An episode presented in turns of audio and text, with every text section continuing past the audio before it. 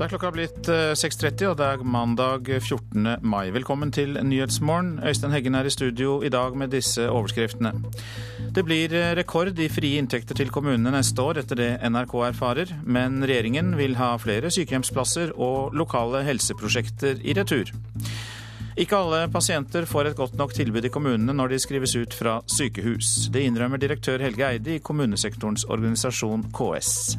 Vi skal vel være så ærlige å si at det er et betydelig press på de kommunale omsorgstjenestene, og det merkes eh, også i dette tilfellet her. Så det at alle får et godt nok tilbud, tror jeg nok vi kan si at svaret på det eh, er nei.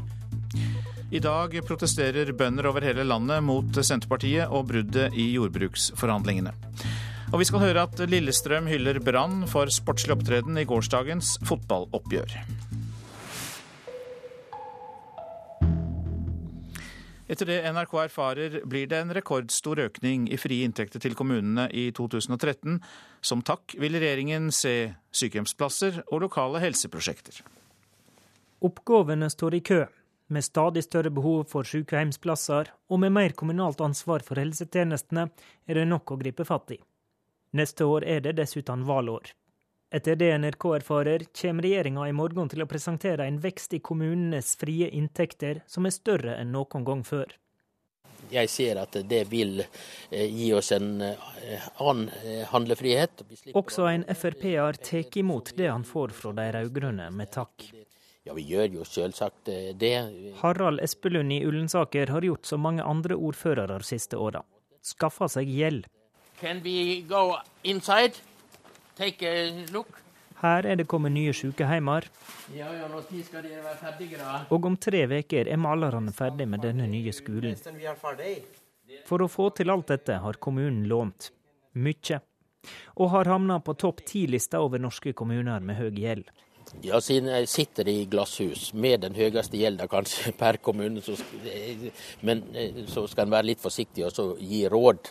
Men, men, mitt råd er at eh, prøv å stanse gjeldsspiralen som vi er inne i. For, for eh, selv i et rikt land som, som Norge, så, så, kan den ta overhånd. Og vi blir sett under administrasjon, og det er lite heldig. Frie inntekter betyr nettopp frie. Og regjeringa kan altså ikke tvinge kommunene til å prioritere bygging av sykehjemsplasser. Espelund mener regjeringa ikke har noen garanti for at økte overføringer går til sykehjemmer og helse.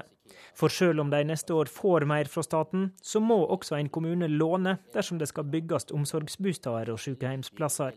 Han mener mange kommuner heller bør bruke den bedre økonomien til å redusere gjeld. Jeg frykter jo at en ikke eh, bruker de til å redusere gjeld, men en, eh, men, men en bør det? En bør det, og en bør også bruke pengene på en slik måte at du slipper å ta opp ny gjeld. Sa ordfører i Ullensaker Harald Espelund, og reportere her Lars Nehru Sand og Håvard Grønli. Ikke alle pasienter får et godt nok tilbud i kommunene når de skrives ut fra sykehus. Det innrømmer kommunesektorens organisasjon KS. Nesten 40% av kommunene har ikke gjort endringer for å ta seg av pasienter som er ferdigbehandlet på sykehus, og som trenger videre oppfølging.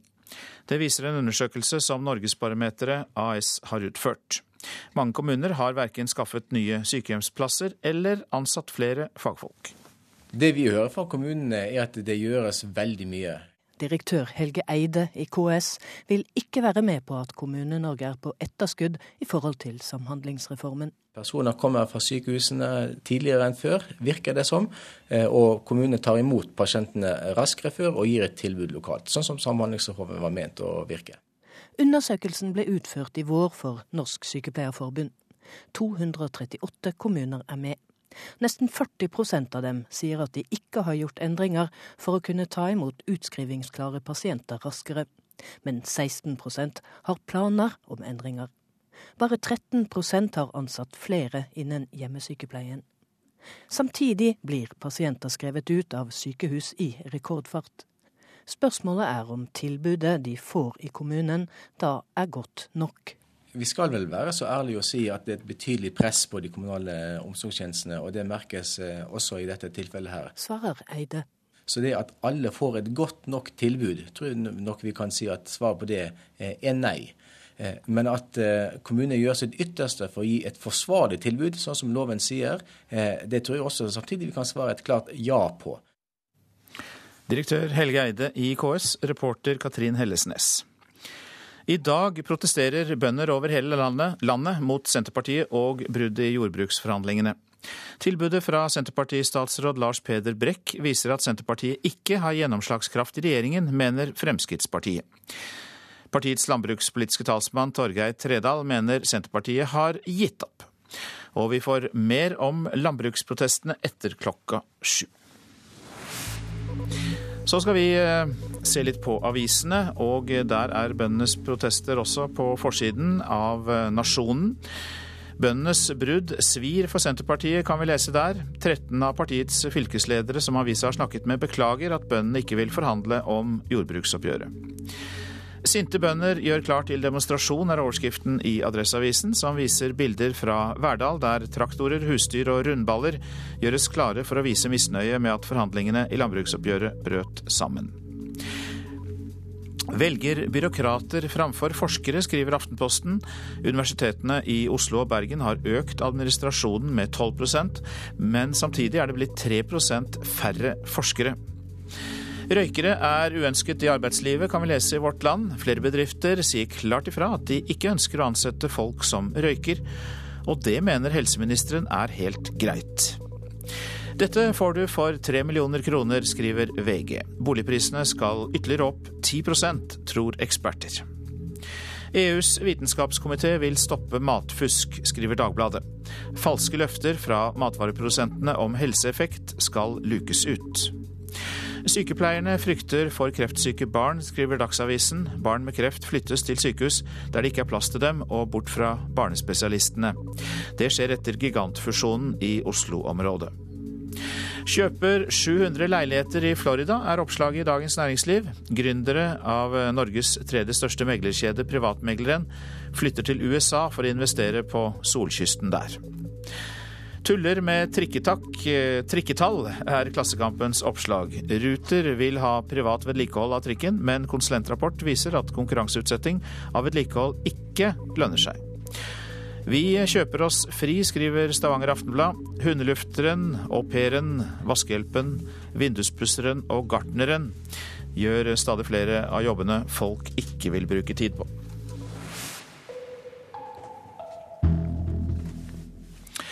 Statoils eh, oljesandprosjekt i Canada er uetisk og et uttrykk for grådighet. Det mener biskopen i Stavanger, Erling Pettersen.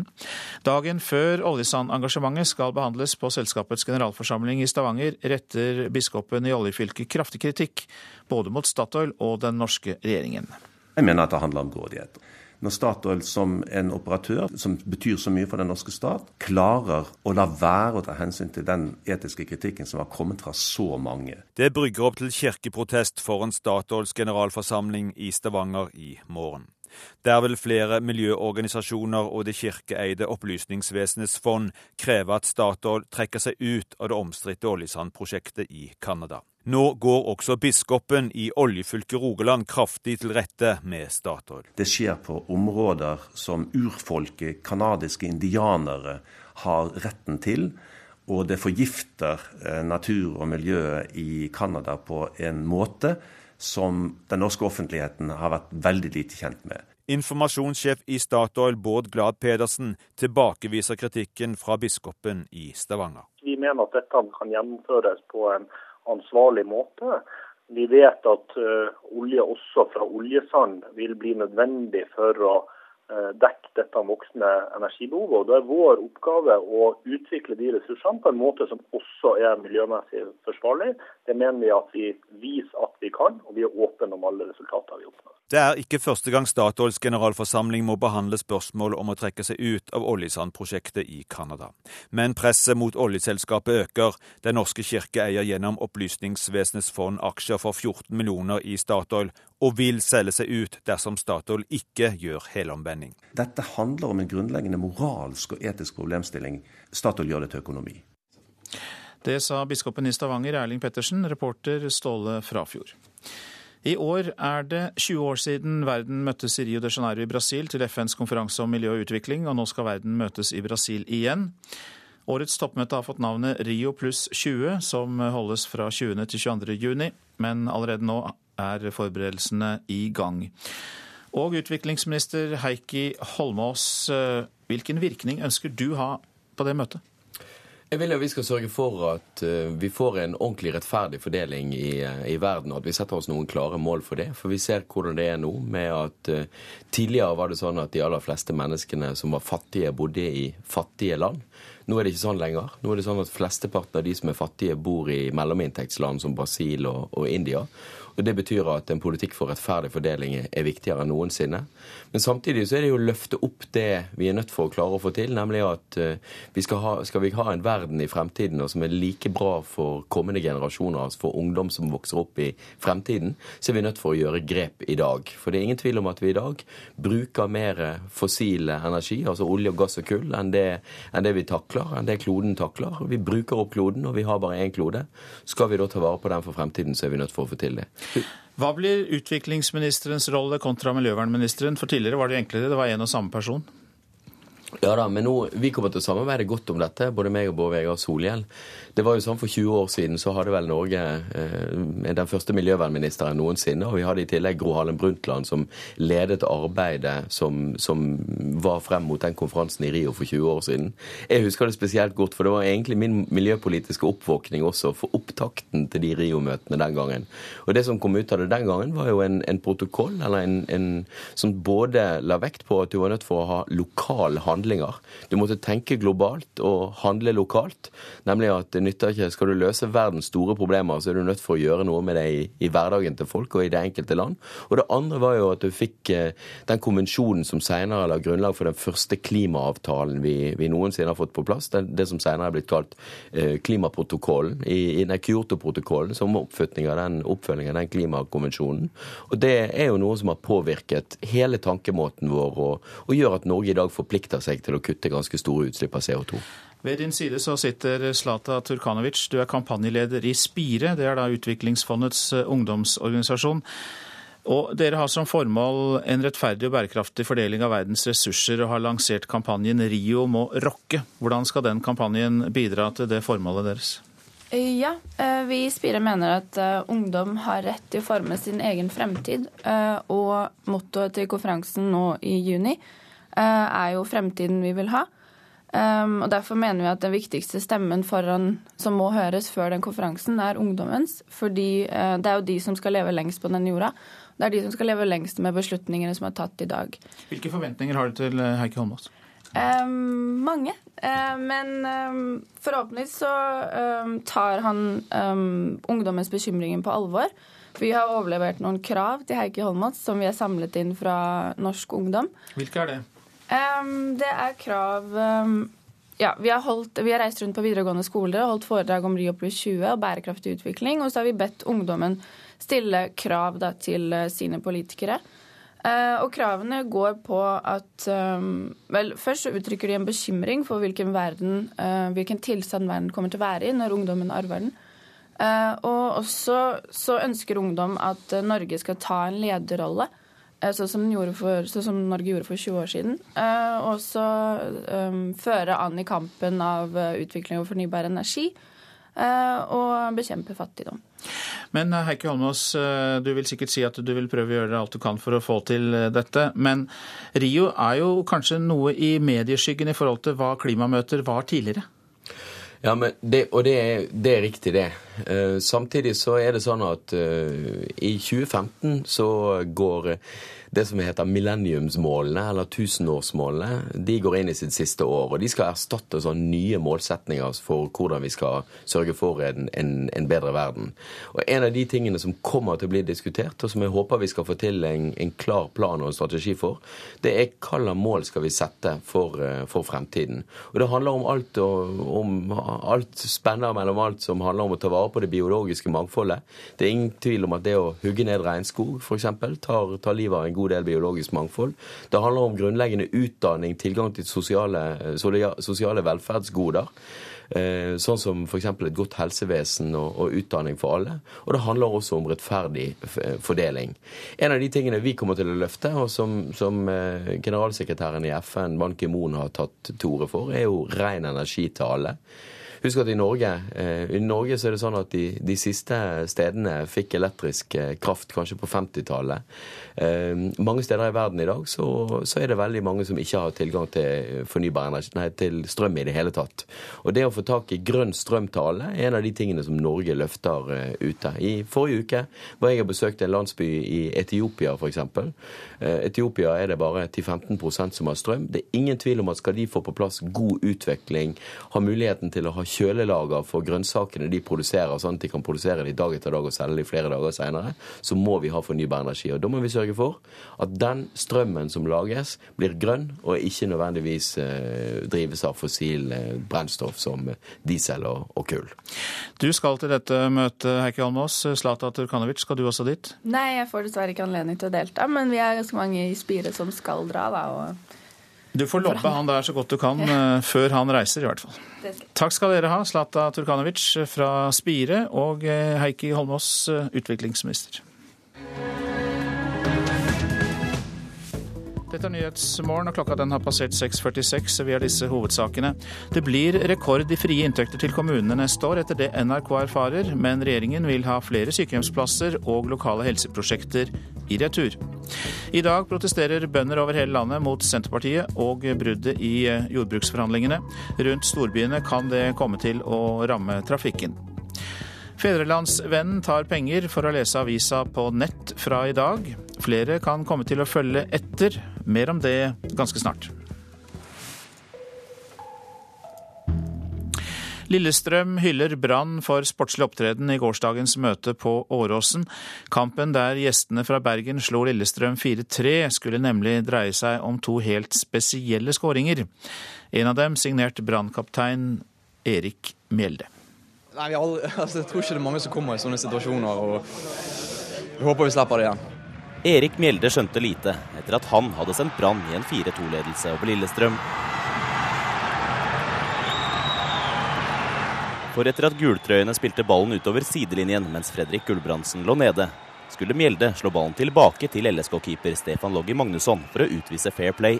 Jeg skal kanskje ikke legge ball mot keeperen i det hele tatt. Det gjør jeg ikke med vilje heller. Jeg det er nesten sånn at jeg lukker øynene og bare slår en langpasning. Ballen dalte i mål, og brannkapteinen la seg flat overfor motspillere og publikum umiddelbart. Og dermed sto vi også overfor et aldri så lite fair play-drama. Brannspillerne ble enige om å slippe Bjørn Bergman Sigurdarsson alene igjennom, for å rettferdiggjøre skåringen til Mjelde. Den eneste som prøvde å stoppe Lillestrøm-spissen, var brannkeeper Pjotr Lesijevskij. LSK-sjef Magnus Haglund applauderer gjestenes opptreden. Jeg har aldri sett noe lignende. Samtidig så agerer jo Brann veldig sportslig og, og, og, bra i situasjonen. Så jeg syns den løser seg selv. Så den blir liksom uh, utagert med en gang. And they said you just, just go and, go and score. Then I see the goalkeeper was trying to save it. I don't know what we was trying there, but we got the goal anyway, so it doesn't really matter. Sier Bjørn Bergman Sigurdarsson. Men brannkaptein Mjelde innrømmer at det var heftige diskusjoner om de skulle la Lillestrøm skåre i den mildt sagt uvanlige situasjonen vi ikke, altså, vi er ikke enige alle sammen. og det, det er vanskelig å bli enige om det òg. Eh, det var en tøff avgjørelse vi måtte ta. og Når vi vant kampen, så føles det òg veldig godt at vi har tatt den avgjørelsen. Brannkaptein Erik Mjelde til reporter Mats Håby. Flere sykdommer kan ha sammenheng med mangel på vitamin D, viser nye undersøkelser. Nå er legene på vakt, for flere av oss har for lite av dette viktige vitaminet i kroppen. Ja, hvordan går det med deg? Allmennlege Kenneth Gutterup ved Stasjonsbyen legesenter i Sarpsborg sitter med en ny pasient som skal sjekkes for D-vitamin. Blant fastleger er det nå et økt fokus på D-vitaminnivået i kroppen. Jeg har jo litt lettere for å krysse av på vitamin D nå, da, på blodprøve, når jeg tar blodprøver. Vitamin D er jo mer sett på som et hormon og har hormonell funksjon mange steder i kroppen, og kanskje mange steder som vi ikke vet om enda. Så, så det er veldig spennende, syns jeg. Nye undersøkelser av befolkningen i Norge tyder nemlig på at D-vitamin er enda viktigere for kroppen enn det vi til nå har vært klar over. Det bekrefter Cecilie Vium, konstituert overlege ved Hormonlaboratoriet ved Oslo universitetssykehus. Det vi vet er at D-vitamin er veldig viktig for eh, kalkmetabolismen i kroppen og benhelsen. Det har vi god dokumentasjon på. Så ser man at det er en sammenheng mellom D-vitaminnivå og en rekke eh, sykdommer i en rekke forskjellige organer i kroppen. Alt fra psykiatrisk sykdom til eh, mage-tarm-betennelse til hjerte-karsykdom, diabetes. Det må mer forskning til for å se om vitaminmangelen er en årsak til sykdommene. Men det undersøkelsene viser, er at flere nordmenn har mangel på D-vitamin. Innvandrere fra ikke-vestlige land, beboere nord i Norge, eldre og barn og unge ser ut til å være særlig utsatt. Kristin Greaker Karlsson, som er ute og triller sønnen sin, innrømmer at hun ikke er flink nok til å ta tilskudd. Altså, en har jo blitt fortalt på helsestasjonen at en skal gi D-vitamin eller tran. Så det er vel en dårlig samvittighet en har, at en har D-vitamindråpene stående i kjøleskapet og ikke er så flink til å bruke dem. Også tobarnsmor Ida Arntzen har fått beskjed om å ta ekstra tilskudd av D-vitamin. Vi gir hver dag til begge barna, både lillesøster og storebror.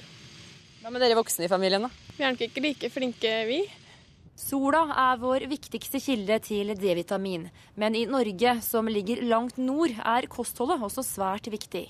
Fet fisk og tran er allmennlegens råd for å sikre nok D-vitamin. Tran er, eh, er bra greier.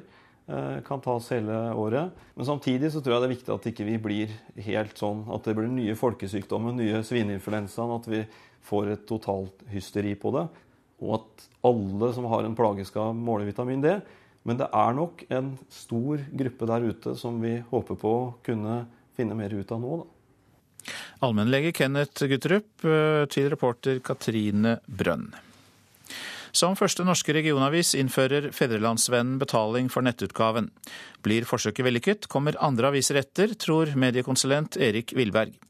Men sørlendinger NRK har snakket med er ikke særlig fornøyde med at de fra i dag må bla opp for å lese lokale nyheter på nett. Jeg syns det er veldig dumt, for jeg liker å holde meg oppdatert på det som skjer hele tida. Nei, jeg syns det bare er tull. Hvorfor det? Nei, inne så lite, kikke hovedoppslagene på, på avisen og så skal du begynne å betale for det. Avisleserne på Sørlandet blir ikke umiddelbart begeistret for Fedrelandsvennens nye forretningsplan. For fra og med i dag må leserne abonnere på papiravisa for å få tilgang til det meste av innholdet på nett. De som ikke er abonnenter, de vil da oppleve at de har et begrensa tilbud på nettavisen. De vil fortsatt kunne lese en god del stoff der, men alt vi legger ut eh, fra papiravisen eh, vil ligge i et abonnementsområde på nettavisen vår. Det sier sjefredaktør Eivind Jøstad i Fedrelandsvennen. For avisa har ikke råd til å ta med gratispassasjerer lenger. På 15 år har den mistet nesten 11 000 abonnenter. Jo, det kan nok de tallene, og det er jo ikke noe hemmelighet det, at opplaget for, for, vår avis og lignende abonnementsaviser har jo falt jevnt siden midten av 90-tallet. Avisa er langt ifra alene. Siden 90-tallet har det samlede avisopplaget her til lands falt med om lag 750 000 aviser. Og selv om mange aviser har gode lesertall på nett, er det for de aller fleste fortsatt papirutgaven som gir penger i kassa. Derfor retter mange medieeiere nå blikket mot Sørlandet.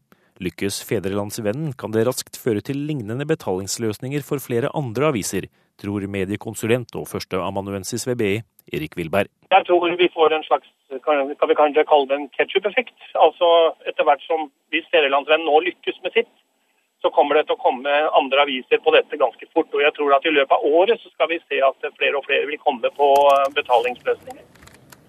Nei, Jeg tror eh, vi kan være ganske trygge på at ikke vi ikke finner noe på den sida isolert sett som folk vil betale for. Sier medieforsker Arne Krumsvik mens han kaster et kjapt blikk på Fedrelandsvennens nettsider.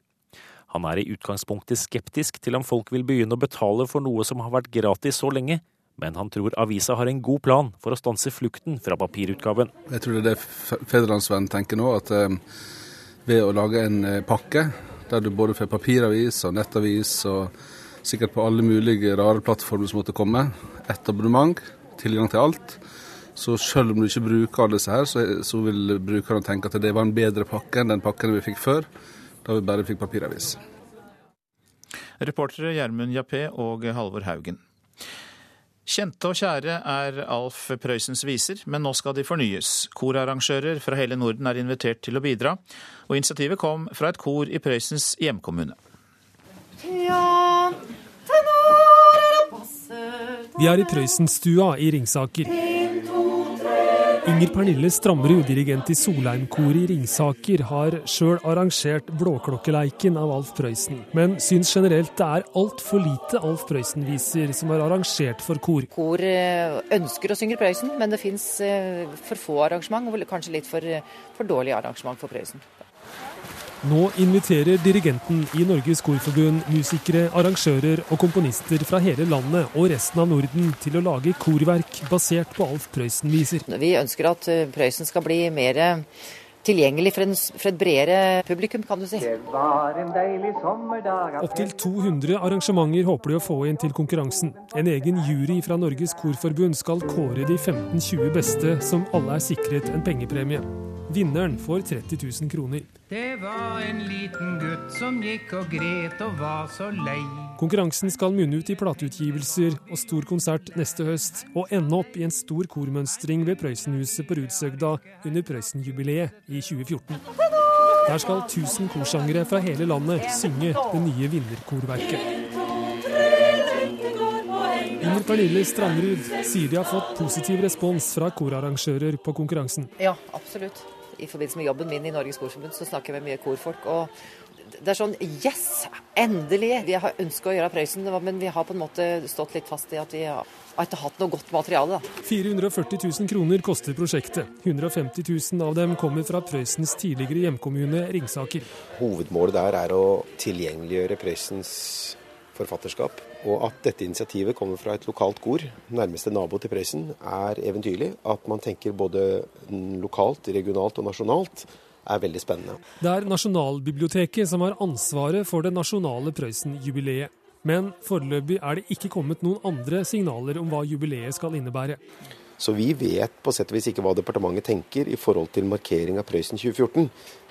Han eh, er viktig for mennesker over hele landet, og vi håper at staten tar en vesentlig mer offensiv rolle i forhold til å markere dette 100-årsjubileet enn de så langt har gjort. Sa Asle Berteig, kultursjef i Ringsaker. Reporter Stein S. Eide.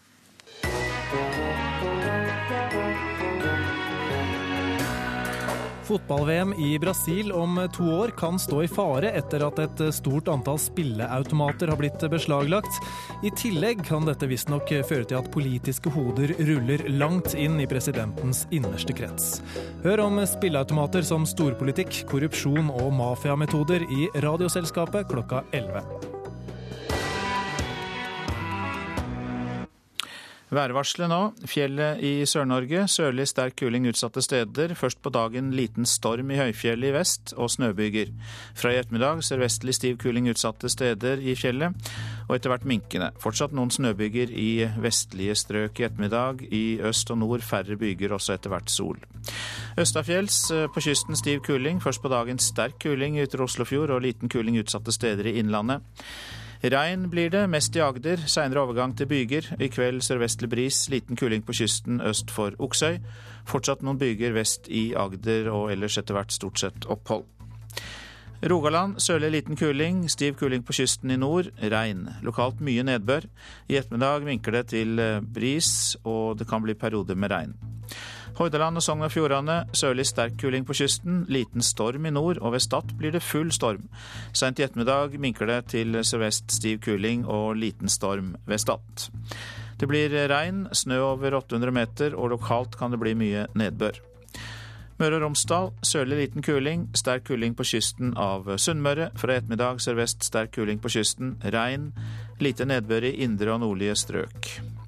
Trøndelag sørøst stiv kuling utsatte steder. Fra i formiddag sørlig frisk bris, og i kveld sørvest opp i sterk kuling på kysten. Perioder med regn i Trøndelag. Lite nedbør i indre og sørlige strøk. Nordland og Troms perioder med stiv kuling utsatte steder. Regn mest i sørlige deler. Kyst- og fjordstrøkene i Vest-Finnmark stiv kuling utsatte steder. I ettermiddag tilskyende og litt regn i fjordstrøkene. Finnmarksvidda sørlig liten kuling utsatte steder, etter hvert litt regn eller sludd. Øst-Finnmark får oppholdsvær. Fra i ettermiddag liten kuling utsatte steder, tilskyende og regn.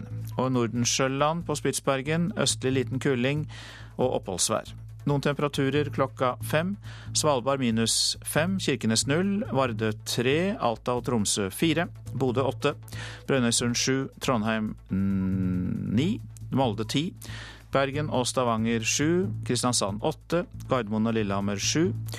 Røros fire og Oslo-Blindern hadde ni grader klokka fem.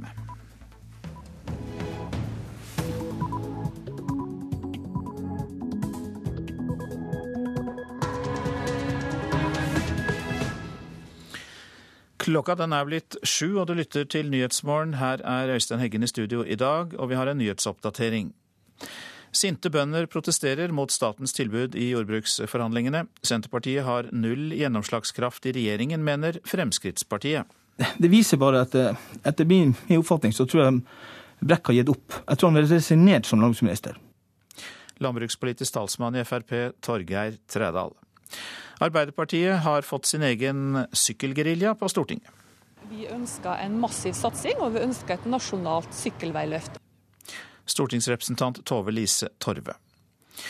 Det blir rekord i frie inntekter til kommunene neste år, etter det NRK erfarer. Men regjeringen vil ha flere sykehjemsplasser og lokale helseprosjekter i retur. Ikke alle pasienter får et godt nok tilbud i kommunene når de skrives ut fra sykehus. Det innrømmer direktør Helge Eide i kommunesektorens organisasjon KS. Vi skal vel være så ærlige å si at det er et betydelig press på de kommunale omsorgstjenestene, og det merkes eh, også i dette tilfellet her. Og Vi skal etter hvert også høre at forskere venter revolusjon i varehandelen de neste fem årene. Netthandelen tar knekken på tradisjonelle butikker.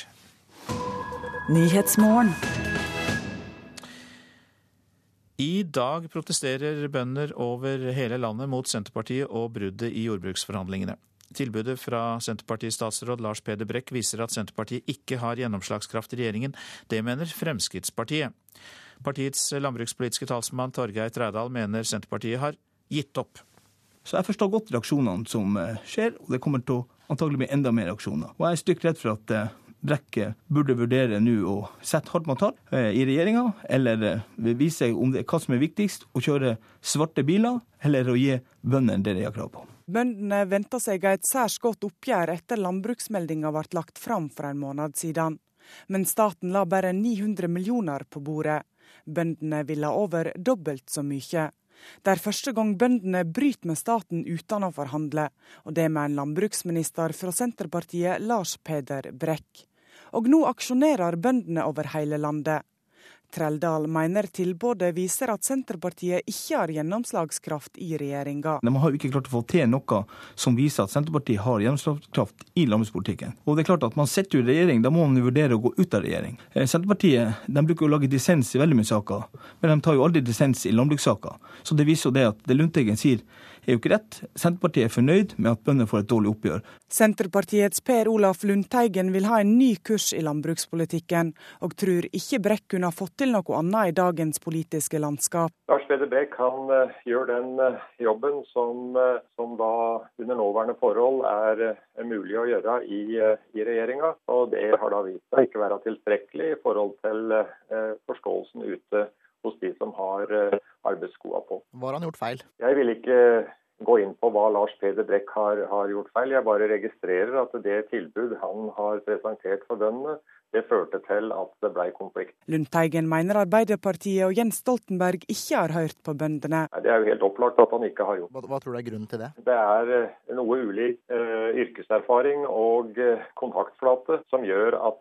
uh, en har noe igjen på det området. Han har ikke gravd nok i jorda? Det er en stor fordel å ha arbeidshender også i politikken. Professor Anders Todal Jensen ved NTNU i Trondheim mener bøndene på sikt har mer å vinne på å ha Senterpartiet i regjering. Det er på en måte i en avmaktssituasjon her. De har ingen andre nære venner enn Senterpartiet. Og det å svekke Senterpartiets posisjon på Stortinget, svekke Senterpartiets posisjon i regjering, det vil de nok oppfatte at slett ikke er i deres langsiktige interesse. Han tror bøndene hadde forventa mer. Senterpartiet har vel måttet svelge kameler, men jeg tror kanskje at det like mye handler om i det tilfellet her at det har vært bygd opp forventninger over lang tid.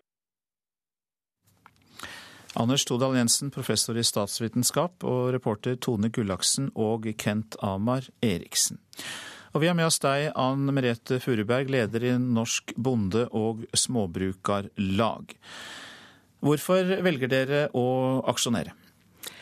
Vi velger å aksjonere fordi at det tilbudet og det vi òg veit ville ha vært sluttresultatet, det er overhodet ikke bra nok. Det er ikke bra nok for å svare på de utfordringer som matproduksjonen i Norge står, for, eh, står overfor bygden. Og det er heller ikke et svar på det som Stortinget vedtok når landbruksmeldinga ble vedtatt 12.4. Men er økte subsidier alltid svaret, eller kan færre subsidier tvinge fram mer effektivitet og nyskaping? Her var det flere elementer i eh, kravet vårt. Vi la som en forutsetning, for eh, det er jo slik at tollvern ikke er en del av jordbruksforhandlingen, men vi la som en forutsetning når eh, stortingsflertallet understreker enda sterkere enn det det sto i stortingsmeldinga, at tollvernet, handlingsrommet i tollvernet skulle brukes. Hva innebærer det? At eh, det blir eh, slik beskyttelse at vi kan produsere og få avsetning av norske eh, landbruksvarer. At vi kan ta høyere priser for norske landbruksvarer. Det betyr at bønder som produserer mer i kilo og liter, kan få økte inntekter ved å få høyere priser. Og da kunne budsjettmidler bli brukt til å da møte andre utfordringer med distrikt, med kulturlandskapet i eh, vanskelige områder, i brattlendt terreng osv. Men eh, likevel så kan det vel også tenkes at noen mener eh, en, eh, et mindre lavere subsidier vil føre til færre bønder, at det også er et gode, da? Nå når vi er nødt til å øke matproduksjon i Norge og i alle land i verden, vi blir så mange flere folk, og Stortinget har vedtatt, et, og, og, flere andre partier òg har sagt, som ikke var med på, på eh, flertallet i meldinga, har sagt at vi er nødt til å øke matproduksjon i takt med etterspørselen og i takt med befolkningsutviklingen. Og så skal vi få til det hvis vi ikke får økt rekruttering, og hvis vi da ikke får til at vi hindrer at så mange bønder slutter. Bør Senterpartiet gå ut av regjeringen? Jeg er leder for Norsk Bonde- og Småbrukerlag. Hva ulike partier gjør, det får partier bestemme. Ja, men, men her, er og fremst, her er det først og fremst regjeringen og jeg appellerer til regjeringssjefen, som har ansvaret, Jens Stoltenberg. Nok er nok. Men uh, Senterpartiet er jo de som står dere nærmest tradisjonelt sett. Uh, og dere kan vel ikke vente å få noe bedre hvis opposisjonen skulle komme til makta?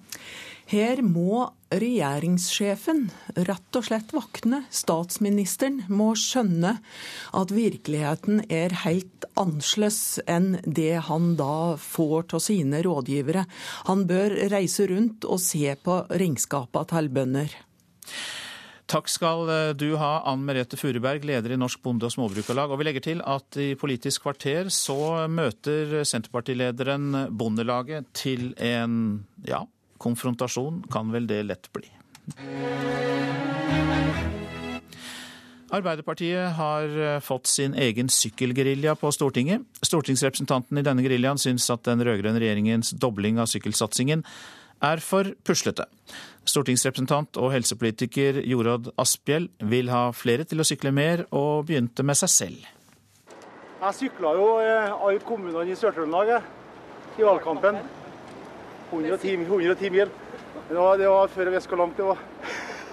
Hadde du drifteller? Ja, det. Pulsmåler og drifteller.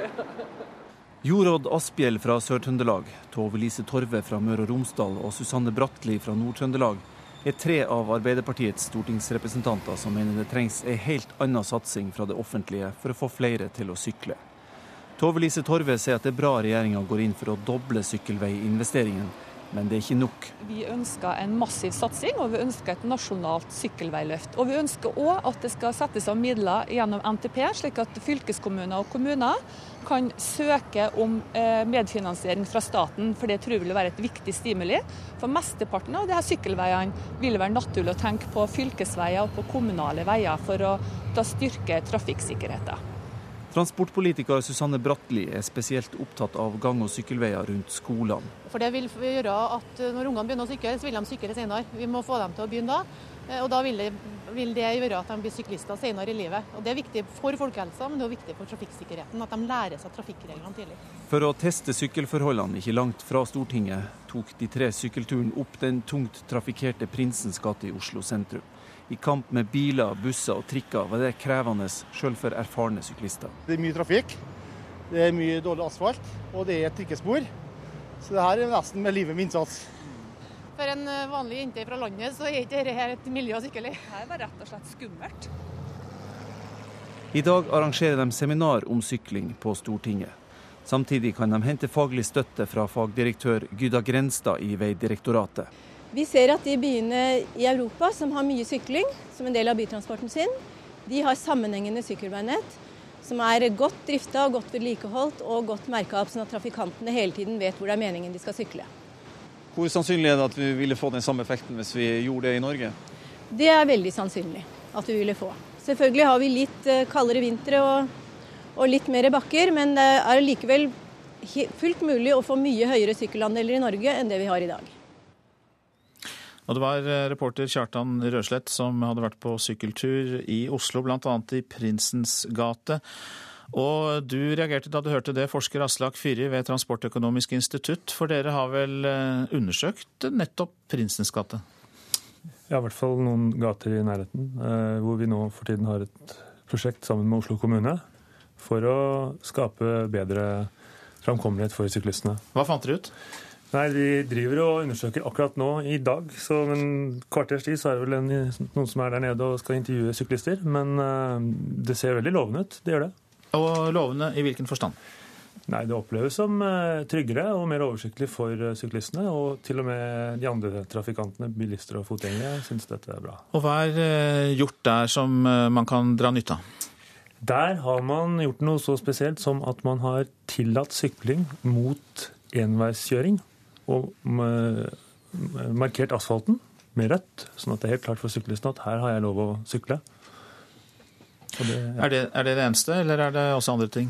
Andre tiltak? Ja, der har man jo gjort noe annet også i den forbindelsen for å kunne lage dette sykkelfeltet. og Det er et ikke spesielt populært tiltak, det, men det er nødvendig ofte. Det er å fjerne noen parkeringsplasser. Det kan vel kanskje bli et av de tiltakene man må gjøre andre steder i storbyene òg? Det er helt klart at eh, det er, dette er et samspill av mange, mange forhold. Eh, man eh, må legge godt til rette for syklistene for å få de frem, men for å få til det, så må man ta areal fra andre trafikanter, og ikke minst hvis det er for attraktivt å bruke andre, andre transportmidler, så, så, vil man ofte velge f.eks. Bilen da, i forhold til sykling. Nå, nå, tar det jo tid å bygge sykkelveier. altså Det skal jo kanskje eksproprieres arealer, og det skal bygges ut. Eh, det som da er skjedd i Prinsens gate området rundt der, er jo en form for snarveier. Altså at man lar syklistene sykle mot eh, enveiskjøring, og man merker det med rødt felt osv. Er det andre snarveier? Um, få? ikke så mange. Er, altså, som sagt, Man kunne jo bare si at det var dobbelt så dyrt som det allerede er å parkere i sentrum. Så vil man jo kjapt få opp sykkelandelen, men man vil jo også bli, ha et kort liv som politiker, vil jeg tro. Ja, og så ville man jo kanskje også oppnå at mange blir fortvilet fordi de trenger å bruke bilen, og så blir det så dyrt å bruke bilen. Det er en balansegang her i forhold til bilbruk og kostnad. Ja, altså det er uh, Veldig mange av de bilreisene som nå foretas, de, de kunne faktisk vært unngått uh, hvis man virkelig måtte. Men uh, for all del, jeg skal ikke, leke politiker her. Men noe av det som kom fram under denne satsingen vi har hørt om fra regjeringens side på sykling, er at det tar så lang tid å, å få opp sykkelandelen fordi man skal utrede sykkelveier, og så skal de bygges. Og Da kommer jeg tilbake til det spørsmålet som jeg var litt opptatt av. Det fins altså ingen snarveier, ingen måter å forsere dette på, annet enn å nekte bilisten å kjøre? Altså, vi, har, vi har jo gjort nå en eh, stor eh, studie hvor vi har sammenstilt uh, all internasjonal forskning på dette. her. Og, det den viser, det er at det fins ingen sånn det ene grepet som på en måte plutselig får sykkelandelen til å skvette opp. Det er en de byene som har, har, mye sykling, de har også en, en pakke av løsninger, gjerne. Det er både eh, godt tilrettelagt, det er eh, begrensninger på biltrafikk, det er god kollektivtransport, ikke minst. Et enkeltgrep kunne f.eks. da vært at man tillot å ta med sykler på buss, trikk og T-bane. Det ville faktisk vært et veldig enkelt grep som kunne hatt en viss effekt. Mange takk for det tipset også, Aslak Fyri, forsker ved Transportøkonomisk institutt. Du lytter til Nyhetsmorgen, og klokka den går mot eh, kvart over sju. Vi har disse hovedsakene. Sinte bønder protesterer mot Senterpartiet eh, og statens tilbud i jordbruksforhandlingene. Senterpartiet har null gjennomslagskraft regjeringen, mener Fremskrittspartiet. Det blir eh, rekord i frie inntekter til kommunene neste år, etter det NRK erfarer. Og vi skal straks høre at menneskerettighetsorganisasjonen Human Rights Watch er kritiske til Nato. Og derfor er du her, europadirektør i eh, organisasjonen eh, Jan eh, Egeland. Dere legger fram en rapport i dag om Nato-bombingen i Libya og sivile tap. Og hva konkret har dere funnet? Vi har funnet, og de som har funnet det, er altså de etterforskerne som avdekket veldig mye av Gaddafis overgrep mot sivilbefolkningen, som igjen fikk enormt mye oppmerksomhet verden rundt, og som var et av grunnlagene for at FN hadde den resolusjonen som gjorde at Nato begynte å bombing, bombe. Så eh, har vi da eh, gått systematisk på alle de steder i Libya hvor vi har hørt at Nato bombet sivile mål. Vi har funnet åtte steder hvor eh, sivile ble drept. Til sammen 72 sivile. 20 kvinner, 24 barn ble definitivt drept av Natos eh, bomber. Det er mye mindre enn det Russland og Sør-Afrika og India og andre kritikere av bombingen hevder. Mye mindre. Nato gjorde mye for å unngå sivile tap. Men det er flere enn det Nato har erkjent. For Nato har faktisk ikke ønsket og villet selv undersøke hva som skjedde. Og man har heller ikke erstattet familiene til de som er døde. Dette, har man altså, dette problemet har man bare altså latt ligge, Nato? Ja, Man har latt det ligge. Rett og slett. Man har sagt at nei, vi er jo ikke på bakken, så vi kan ikke undersøke konsekvensene av vår egen bombing. For oss er dette en veldig viktig prinsippsak. Man fulgte opp en FN-resolusjon for å beskytte sivile. Da må det ikke være feilskjær i gjennomføringen av denne operasjonen. Dette var en operasjon som skulle på alle måter følge folkeretten. Og da sier folkeretten er det berettiget tvil om det var sivile tap, så skal man selv undersøke konsekvensene. Og det andre man sier, er at dersom det var ulovlige angrep, på f.eks. mål hvor det var større, eh, eh, mye større sivile eh, større sivil tilstedeværelse enn militær tilstedeværelse, så skal man erstatte familiene, de etterlatte, etter de døde. Men det er jo denne formen for moderne krigføring som gjør det så enkelt for dem som har teknologi til det. De flyr i flyene sine der oppe og slipper sine bomber. og Ferdig med det. Man, man, man er ikke der eh, drapene og tragediene skjer. Så hva betyr det for oss? Hvilke følger bør det få for oss og for Nato, som Norge er medlem av? Ja, for, for Norge bør det være akkurat det samme som for Nato. At vi ikke ser på oss selv som har et mindre ansvar for sivilbefolkningen. Men det er helt riktig at, at, man har nå begynt å argumentere og si vi er på så stor avstand. Vi bruker så mye målstyrte raketter vi er så langt borte at for det første så er de målstyrte tingene våre så sofistikerte at det blir få sivile tap. Og det første er riktig. Det andre er at vi har, mindre, vi har nærmest mindre ansvar fordi vi styrer eh, disse fra avstand. Det er ikke riktig. Man har akkurat det samme ansvaret for sivile, og man gjør en enorm strategisk feil hvis man nå vasker sine hender for dette kvinner og barn som, som døde. I ett tilfelle så bombet man altså for andre gang i en landsby etter at førstehjelperne hadde strømmet til, fordi det bl.a. var eh, flyktninger i det boligkomplekset som ble bombet. Og da ble også førstehjelperne drept. Det er tankevekkende å få en slik rapport fra Human Rights Watch. Hjertelig takk for at du kom i studio, Jan Egeland. Du er europadirektør der. I Hellas trekker lederen for det venstreradikale partiet Syriza seg fra de vanskelige regjeringsforhandlingene. Partileder Alexis Tsipras kan dermed ha brakt landet nærmere et nyvalg, som han selv trolig kommer, kan komme til å vinne. I helgen forhandlet uh, Syriza, sosialdemokratiske PASOK og høyrepartiet Nytt demokrati uten å lykkes. Bare de siste to månedene har rundt 20 eh, 000 syrere flyktet til Jordan fra konflikten i hjemlandet, ifølge en lokal veldedighetsorganisasjon. Libyske veldedighetsorganisasjoner har sendt 14 lastebiler med forsyninger til flyktningene. Jordanske myndigheter mener flere enn 100 000 syrere har søkt tilflukt i kongedømmet siden opprøret startet i mars i fjor. Hvalfangstmotstanderen Paul Watson er blitt pågrepet i Tyskland og risikerer å bli utlevert til Costa Rica. Myndighetene i Costa Rica har utstedt arrestordre på Watson og mistenker ham for drapsforsøk på fiskere som drev ulovlig haifiske for ti år siden. Watson leder Sea Shepherd, som er mest kjent for sine årlige forsøk på å stanse Japans hvalfangst i Sørishavet. Nå til eh, Tyskland. Forbundskansler Angela Merkels parti Kristeligdemokratene led et sviende nederlag ved gårsdagens valg i den mest folkerike delstaten Nordrhein-Westfalen. CDU fikk bare drøyt 26% av stemmene, mot hele 39% for Sosialdemokratene, som dermed vant. Arnt Stefansen har sendt denne rapporten fra Berlin. Was for en tolle Abend. For en herlig kveld, utbryter Hanne Låre Kraft, sosialdemokratenes statsministerkandidat, etter gårsdagens seier i vesttyske Nordrhein-Westfalen. Med 18 millioner innbyggere har denne delstaten hver fjerde velger i Tyskland, og seieren i går er en kraftig oppmuntring for venstresiden et drøyt år før det tyske forbundsdagsvalget. Vi har fått et sterkt SPD, og de rød-grønne skal fortsette å regjere her i Nordrhein-Vestfalen, sier den tidligere og kommende delstatsministeren Hannelore Kraft. Hun blir av mange sett på som sosialdemokratenes nye stjerne her i Tyskland, og som en mulig forbundskansler. Men foreløpig er hun fornøyd med å drive delstatspolitikk i Nordrhein-Westfalens hovedstad Düsseldorf. Liebe Mitbürgerinnen und Mitbürger.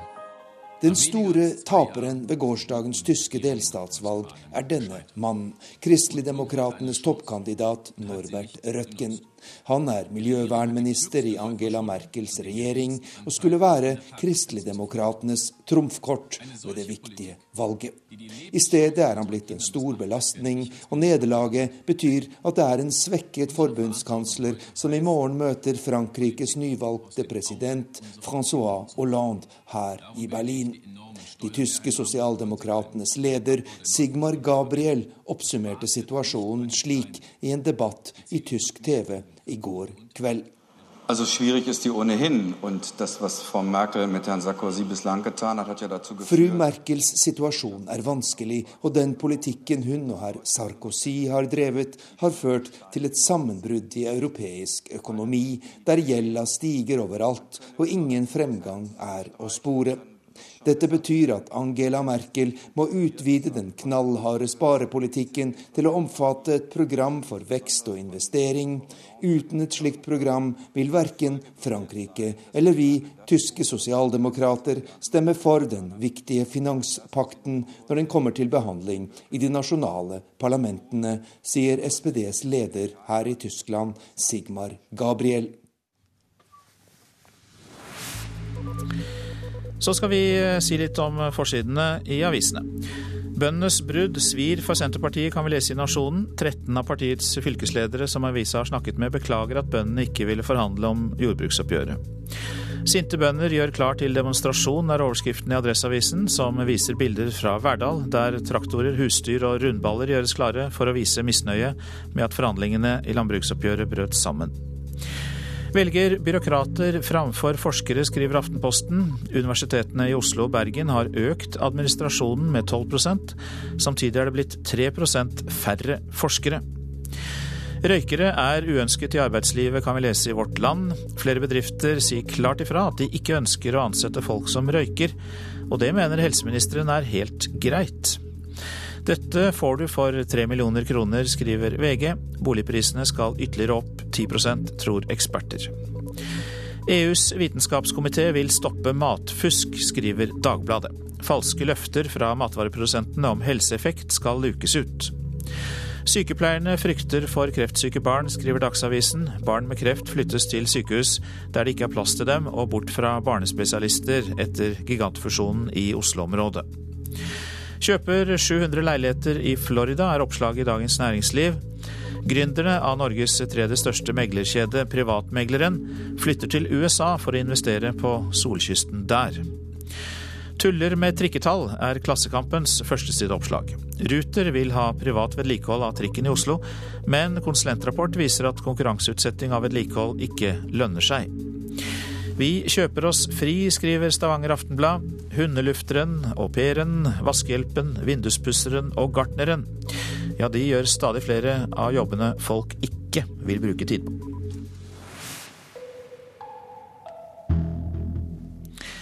Forskere forventer en revolusjon innenfor varehandelen de neste fem åra. Førsteamanuensis ved BI Peder Inge Furuseth sier økningen i netthandelen er så stor at tradisjonelle butikker enten må omstille seg eller gi opp.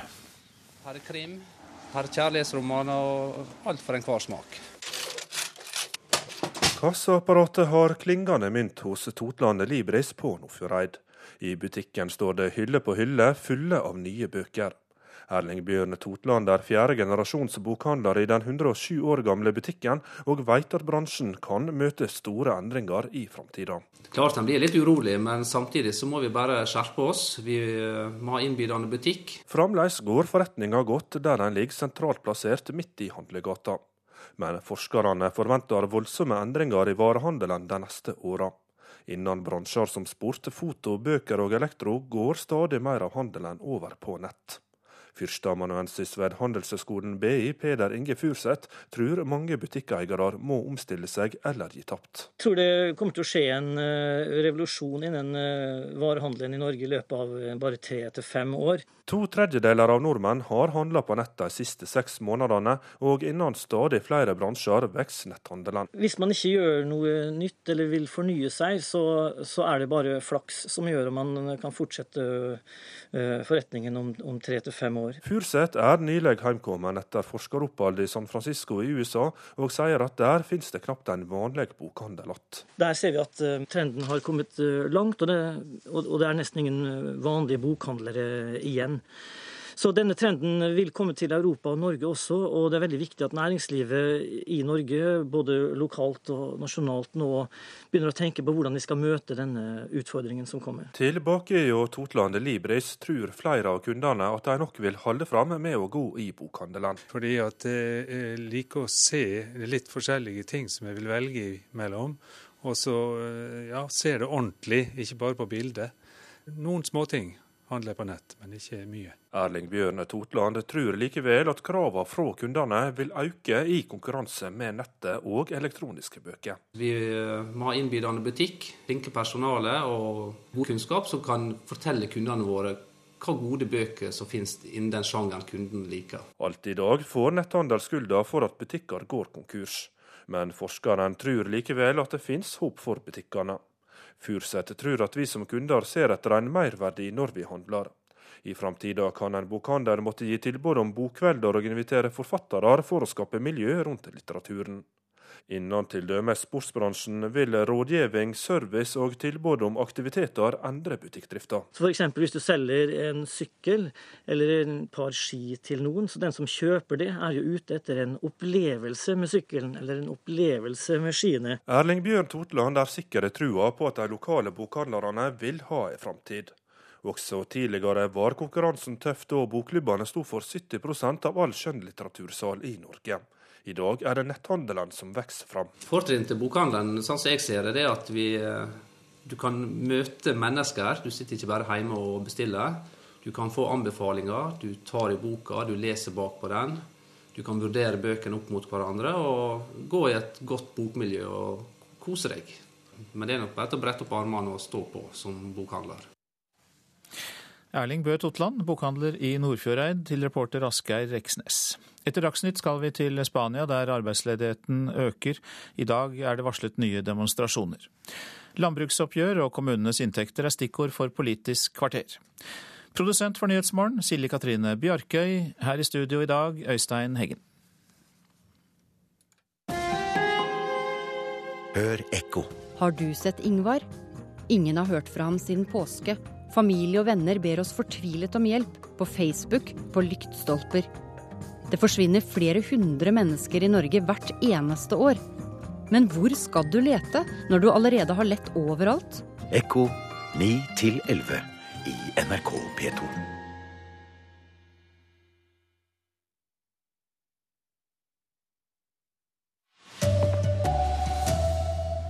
Senterpartiet har null gjennomslagskraft i regjeringa, hevder Fremskrittspartiet. Lørdag vraka bøndene tilbudet til jordbruksoppgjør. Kommunene vedgår at de ikke gir pasienter godt nok tilbud etter at de er utskrevne fra sykehus. Og forskere venter revolusjon i varehandelen de neste fem åra. Netthandelen tar knekken på tradisjonelle butikker. God morgen, her er NRK Dagsnytt klokka er 7.30. I dag protesterer bønder over hele landet mot Senterpartiet og brudd i jordbruksforhandlingene. Tilbudet fra Senterparti-statsråd Lars Peder Brekk viser at Senterpartiet ikke har gjennomslagskraft i regjeringa, mener Fremskrittspartiet. Partiet sin landbrukspolitiske talsmann Torgeir Treldal sier Senterpartiet har gitt opp. Så jeg forstår godt reaksjonene som eh, skjer, og det kommer til å antagelig bli enda mer reaksjoner. Og jeg er stygt redd for at eh, Brekke burde vurdere nå å sette hardt mot hardt eh, i regjeringa. Bøndene venter seg et særs godt oppgjør etter landbruksmeldinga ble lagt fram for en måned siden. Men staten la bare 900 millioner på bordet. Bøndene ville ha over dobbelt så mye. Det er første gang bøndene bryter med staten uten å forhandle, og det med en landbruksminister fra Senterpartiet, Lars Peder Brekk. Og nå aksjonerer bøndene over hele landet.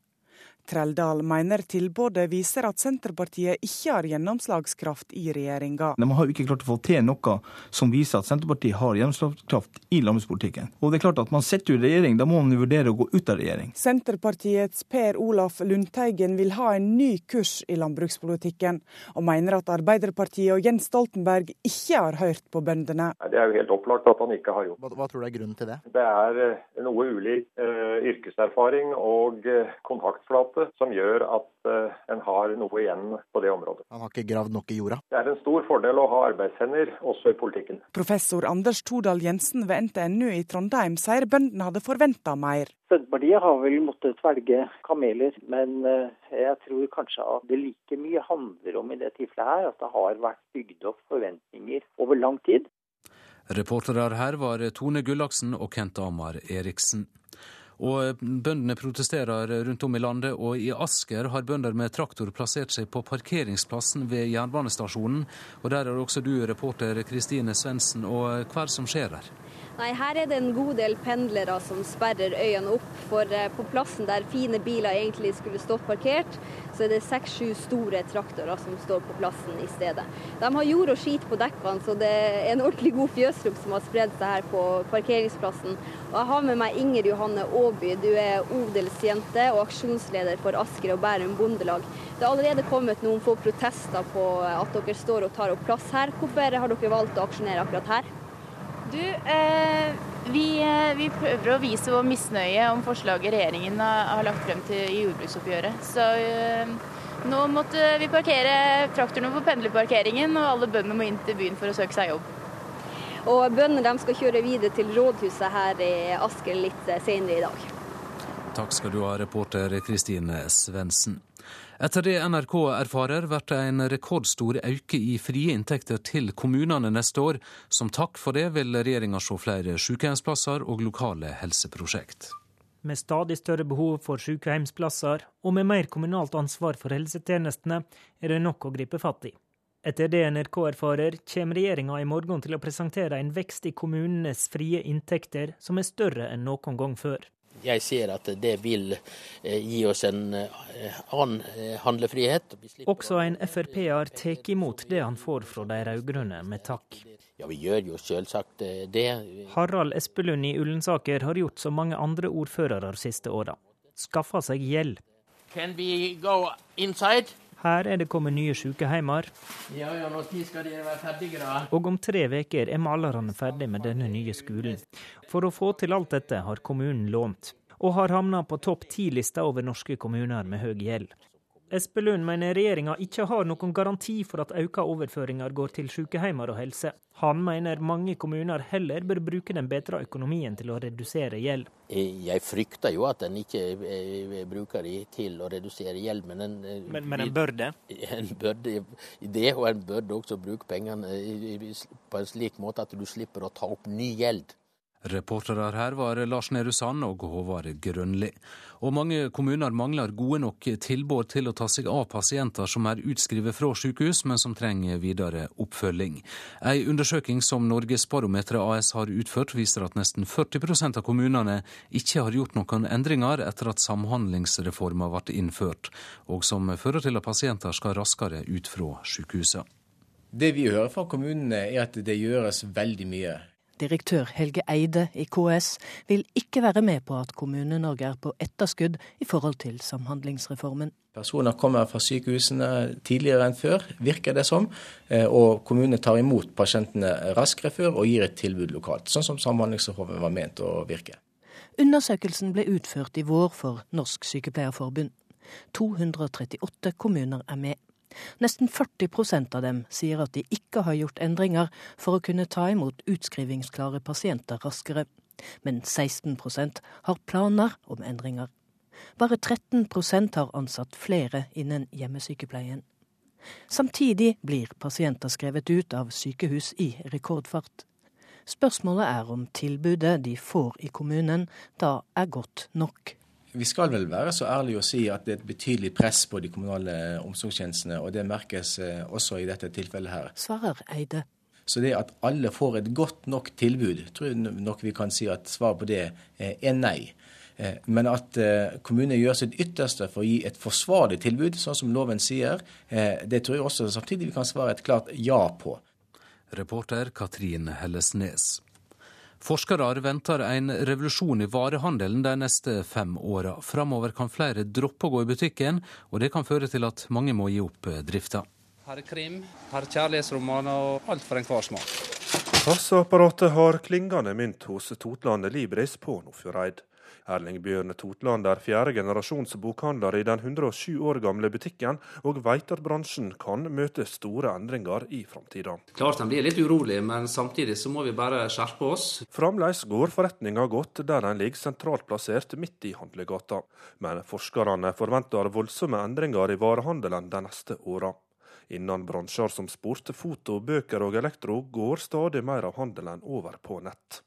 Førsteamanuensis ved Handelshøyskolen BI, Peder Inge Furseth, tror mange butikkeiere må omstille seg eller gi tapt. Hvis man ikke gjør noe nytt eller vil fornye seg, så er det bare flaks som gjør at man kan fortsette om tre til fem år. Reporter Asgeir Reksnes. Nato bomba mer feil i Libya enn det alliansen har ville innrømme. Human Rights Watch ber Nato om å vedgå det som har skjedd, og gi erstatning til de etterlatne etter de drepne. Ifølge Human Rights Watch ble 72 sivilpersoner drept av Nato, hvorav 20 kvinner og 24 barn. Europalederen i Human Rights Watch, Jan Egeland, forteller at Nato feilbombet i større omfang enn det Nato har villet innrømme. I begynnelsen så gikk Natos generalsekretær ut og sa at her var det ingen eh, rapporterte sivile dødsfall. Eh, siden eh, har man gjort en merkverdige sak at man ikke vil erkjenne hva som har skjedd, ikke vil undersøke hva som har skjedd, og heller ikke erstatte familiene til de som er døde. Folkeretten sier at man skal undersøke dersom det er mulige sivile tap, og man skal erstatte dersom det var ulovlig bombing av sivile mål. Det var reporter Dag Bredvei som intervjua Jan Egeland i Human Rights Watch. Veien til VM-kvartfinale ligger nå vidåpen for det norske ishockeylandslaget etter gårsdagens storsiger over Tyskland. En stolt landslagssjef Roy Johansen mener Norge aldri har hatt et bedre lag. Det, det vil jeg si. Det er en fantastisk gjeng som eh, jobber veldig bra sammen. og spiller med, med hjertet og, og hjelper hverandre til å være gode. Landslagssjefen trodde knapt det han så da Norge overkjørte Tyskland og vant med utklassingssifrene 12-4. Seieren over et lag som er høyere rangert enn Norge, og som var i VM-semifinalen for to år siden, betyr at Norge nå kun trenger å slå Danmark for å være sikret en plass i kvartfinalen. En stor prestasjon, mener Johansen. De som kjenner hockeyen, så er det nok et lite eventyr at vi er, eh, er, der vi er nå. Det er helt fantastisk. Det er AVM og det er mot et godt tysk lag. Det skal folk vite der hjemme. At eh, det er ikke noe walkover eh, egentlig det her. Men... Sier banens beste i går, Patrick Thoresen, som i likhet med landslagssjefen mener Norge aldri har hatt et bedre landslag. Helt klart. Vi er, vi er dritgode sammen, og gutta tekker jo skudd på 10-1 også. Så det viser hvilken karakter som finnes i laget. Reporter Christian Myrseth. Ansvarlig for denne sendinga Arild Svalbjørg, teknisk ansvarlig Hans Ole Hummelvold og i studio Odd Christian Dale.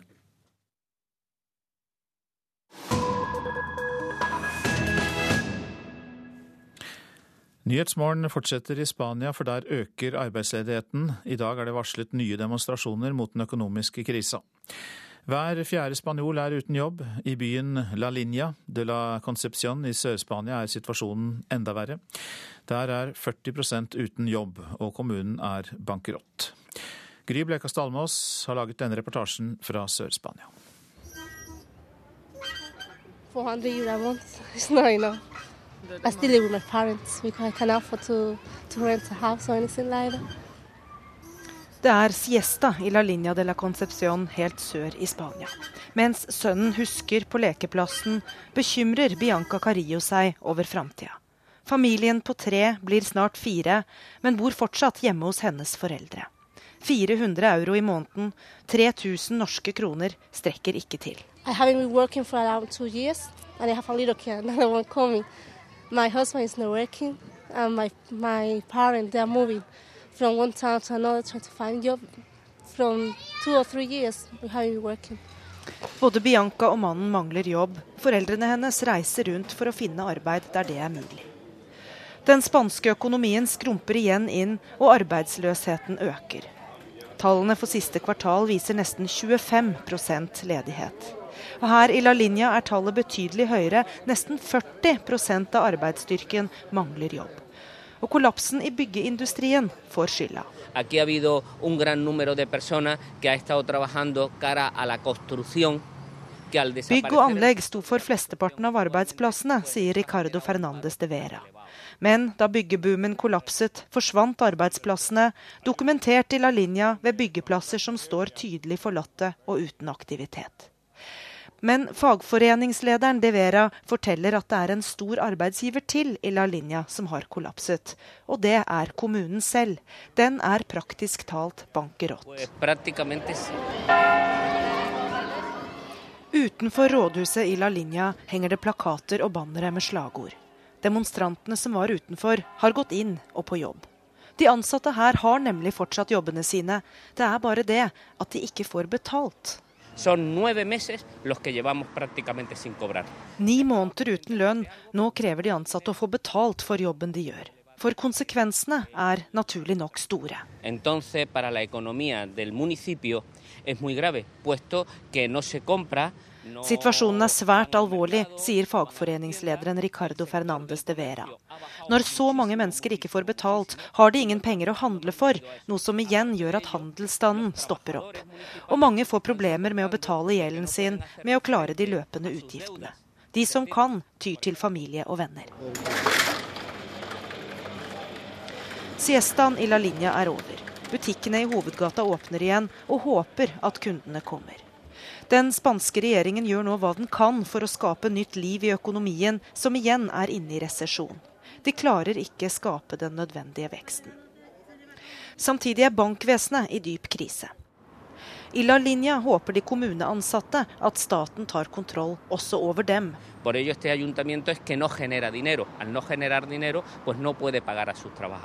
Kommunen trenger skatteinntektene som ikke lenger kommer inn, for å få betalt sine ansatte. Imens sitter en vordende tobarnsmor på en lekeplass og vurderer hvordan framtida skal se ut. Kanskje blir den utenfor Spanias grenser. Maybe moving to another country or moving to another city.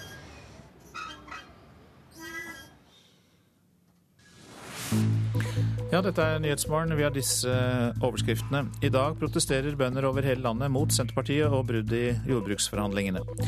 Nesten 40% av kommunene har ikke gjort endringer for å ta seg av pasienter som er ferdigbehandlet på sykehus. Og Human Rights Watch er sterkt kritisk mot Nato og mangelen på oppfølging etter at det ble kjent at Nato-bombingene i Libya førte til sivile tap. Ja, i eh, helga så begynte bøndene å kjøre sine traktorer i kortesje ut på europaveiene for å protestere mot regjeringens økonomiske tilbud. Håvard Grønli. Som vi hører, holder aksjonene fram nå på morgenkvisten. Sp-leder Liv Signe Navarsete har reist hit til Politisk kvarter for å svare på hvor stort problem det er for eh, Senterpartiet.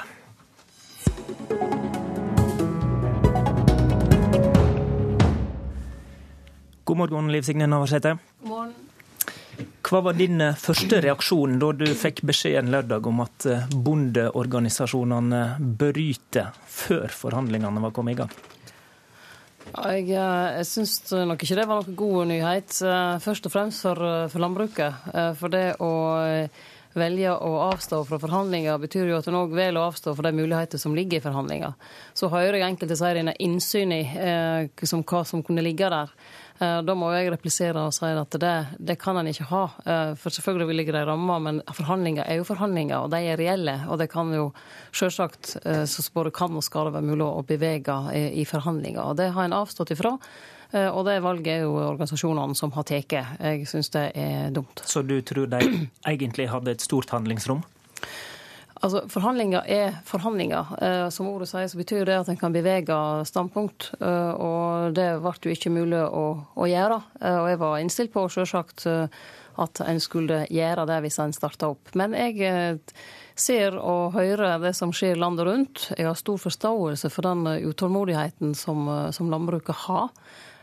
Og det er selvsagt også slik at både i landbruket sjøl og for andre er det bygd opp forventninger som en føler ikke blir eh, tatt eh, nok på alvor i det som er lagt fram, når jeg hører hva som blir sagt fra landbruksorganisasjonene i dag. Ja, Er det et problem for denne regjeringa som du sitter i, at jordbruksoppgjøret da ikke blir bedre enn 13 000 kroner per årsverk? Det er jo alltid et problem for enhver regjering eh, når en ikke evner å få i land forhandlinger, enten det gjelder med landbruket eller andre organisasjoner. For det betyr at eh, en har uro, og det blir nok uro framover. Det tror vi må bo oss på. Og så får vi se hva som skjer i offentlig sektor. Det kan òg bli uro der. Så jeg tror hele denne våren knytta til, til, både jordbruksforhandlinger og lønnsoppgjør kan bli turbulent. Og eh, ut ifra at eh, vi har en ganske spesiell økonomisk situasjon eh, som ligger bakom, der frykten for renteoppgang, frykten for en forsterka krone og avgang av arbeidsplasser av den grunn, er ganske stor. Så det er en eh, spesiell situasjon, og regjeringen har brukt mye tid på å diskutere akkurat det, og hvordan vi skal sikre at vi skal ha stabilitet i økonomien. Eh, og det, det vil prege mange forskjellige typer oppgjør i vår. Nils T. Bjørke, leder i Bondelaget, du er også med oss. Som Navarsete sier, så er det jo en spesiell økonomisk situasjon eh, rundt oss. Fagforeninga har brukt ord som ansvar og moderasjon, og foreløpig har det ikke vært en veldig konfliktfylt vår. Hvorfor skal bøndene være i særstilling? Nei, først vil jeg si at Det var en tung avgjørelse å gjøre å, bryte forhandlingene. Men når eh, Stortinget for akkurat en måned siden la fram en landbruksmelding der de er helt tydelige på at vi skal øke matproduksjonen med 1 i året, mest over hele landet og med norske ressurser, så må regjeringen faktisk ta konsekvensen av det og legge fram et uh, tilbud i jordbruksoppgjøret som gjør at bøndene får mulighet til å gjøre den jobben. Er det de ambisjonene eh, regjeringa da har lagt for landbrukspolitikken som gjør at det er eh, så viktig for deg å markere ditt politisk at du faktisk dropper å forhandle? Når det gjelder å droppe å forhandle, så hadde vi samtaler med, med staten.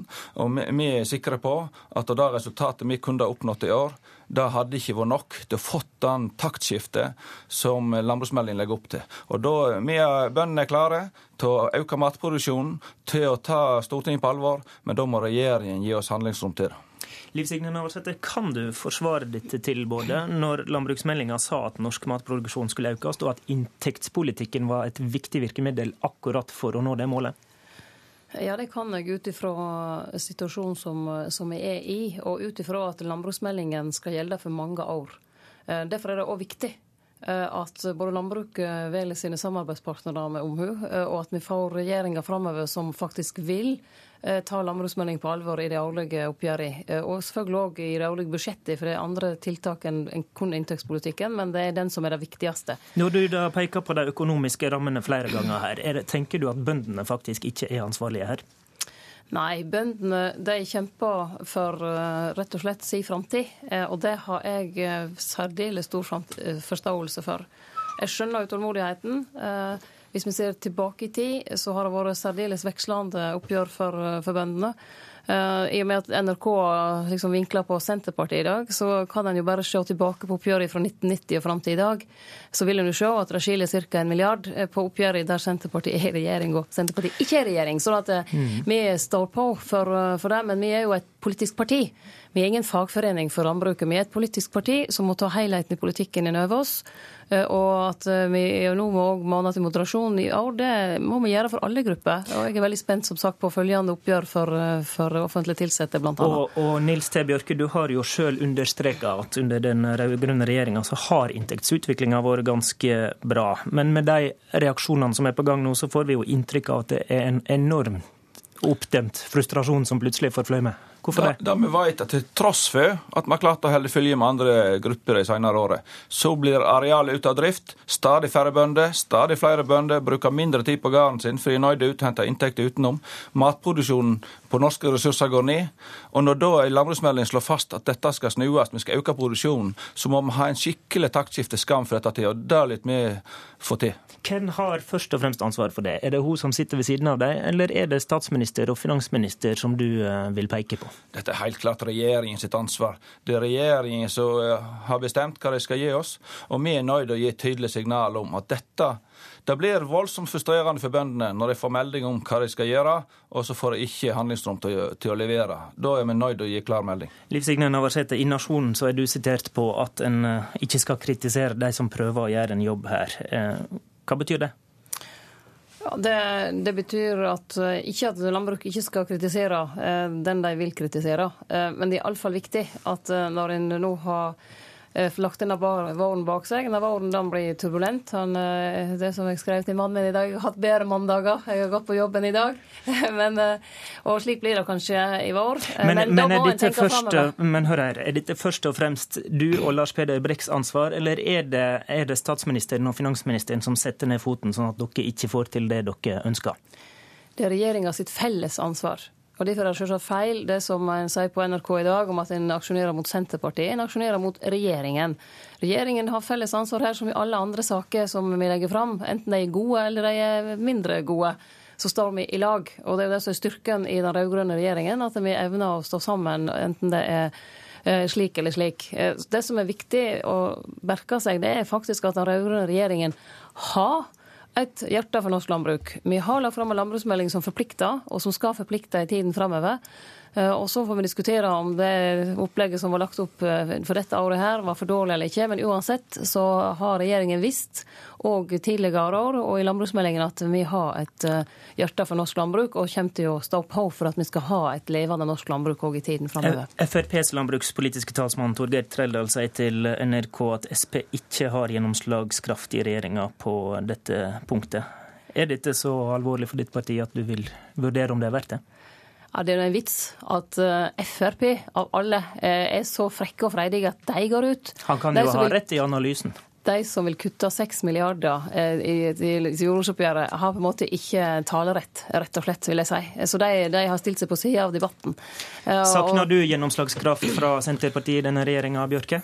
Det er helt klart vi ville hatt en mye tydeligere signal om norsk landbruk framover. Og jeg tror det norske folk vil ha trygg, god norsk mat, og da må vi få handlekraft til å gjøre dette her. Så vi er nødt å få en tydelig endring. Ellers vil jeg jo legge til i forhold til når Frp kommer på banen her. Frp ville ha ført til deres politikk at norsk landbruk hadde vært nedbygd i løpet av få år. Der er dere tydeligvis enige. Til slutt, Bjørke, vi har hørt om aksjoner som er på gang. Vil forbrukerne merke bøndenes misnøye nå allerede før 17. mai? Det vil de. For det er klart at her er det sterk frustrasjon ute nå. Og det er klart at det kan godt hende at norske forbrukere vil merke at det er ikke helt selvsagt med det daglige brød.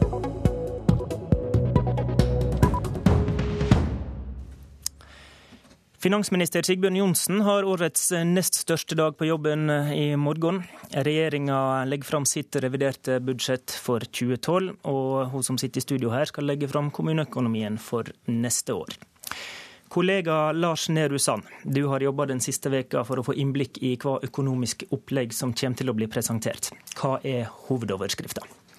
Det er at vi eh, strammer inn oljepengebruken og sparer oss bort fra 4 %-banen. At det går bra i Norge, men vi må ikke bruke veldig mye mer penger enn vi hadde tenkt. Hva er det som går så bra her i landet? Det aller meste. Oljeprisen er betydelig over de 575 kroner per fat som regjeringen hadde regnet med for det inneværende år. Eh, det gjør også at skatteinntektene og utbytteinntektene for eh, staten er eh, godt over det regjeringen trodde i høst. Og så har vi en arbeidsledighet nå de siste tallene som ble presentert på 2,2% ikke 3,6% som regjeringen trodde. Man har i tillegg sykefravær under kontroll. Så er veldig mange indikatorer som gjør at Sigbjørn Johnsen kan smile. Ja, Da er det altså rom for satsinga. Hva prioriterer den rød-grønne regjeringa? De vil i morgen legge frem noen eh, økninger i antallet studieplasser. Det kommer en satsing på samferdsel. Det kommer noe tiltak i barnevernet. Og så har vi allerede hørt om en industrisatsing med såkornsfond, som Trond Giske presenterte i går, og også noen konkrete omstillingstiltak. Når det gjelder kommuneøkonomien, så har vi fortalt i våre nyhetssendinger i dag tidlig at det ligger an til den største kommuneøkonomiøkningen noensinne. Hva vurderinger kjenner du til i regjeringa på det området? Regjeringen vil jo se resultater for de pengene, altså de frie inntektene kommunene får. og Selv om det har ligget på et eh, høyt nivå med denne regjeringen, så vet vi, som NRK har fortalt tidligere i vår, at det står ubrukte kroner på konto til sykehjemsbygging fordi kommunene mener de ikke har frie inntekter nok til å drifte disse sykehjemmene. Eh, I tillegg skal kommunene oppfylle samhandlingsreformen og altså fått store oppgaver. Så regjeringen ser helt klart behovet for å øke Eh, øke den eh, andelen frie midler kommunene får. Eh, men så vil jo da Navarsete måtte forvente konkrete resultater igjen, og ikke at pengene vil bli brukt på pensjonsforpliktelser og gjeldsnedbetaling som kommunene kan velge å bruke dem til. Liv Signe Navarsete fortsatt med oss i studio, kommunalminister. Dette temaet gjør det kanskje til en litt bedre mandag. Eh, I 2012 var økningen i frie midler til kommunene på 3,75 milliarder kroner. Nærmer vi oss da fem for neste år? Nå kommer ramma i, i, morgen, men eh, det som er viktig å, å, huske på, det er at vi har en sterkt veksende befolkning. Eh, det er jo framskrevet at vi skal bli én million flere i løpet av ganske få år, 16 år. Og det betyr at alle skal bo i en kommune av de som kommer, enten de blir født her eller flytter hit fra andre steder. Eh, det legger betydelig press på kommunale eh, oppgaver. Og en må bygge ut med flere ansatte. Flere skoler, barnehager, sykehjemmer, som var nevnt her. Eh, og, og, det må vi selvsagt òg sette kommunene i stand til å, å, gjøre, for det er nok ganske stramt i mange kommuner per i dag. Hva oppgaver bør de prioritere? Det, det, lokale selvstyret tilsier at kommunene sjøl skal bestemme det. og det, som, det, er jo nettopp det som gjør at vi får så effektiv bruk av pengene. At det blir eh, skreddersydd til den enkelte kommune. Eh, det er jo ulike utfordringer i ulike kommuner, men en fellesnevner vil jo være Samhandlingsreformen, som var nevnt eh, av Lars Nehru Sand. Som er en stor og ny oppgave. og og vi òg ønsker selvsagt at takten i utbygging av omsorgsboliger og sykehjemmer skal økes.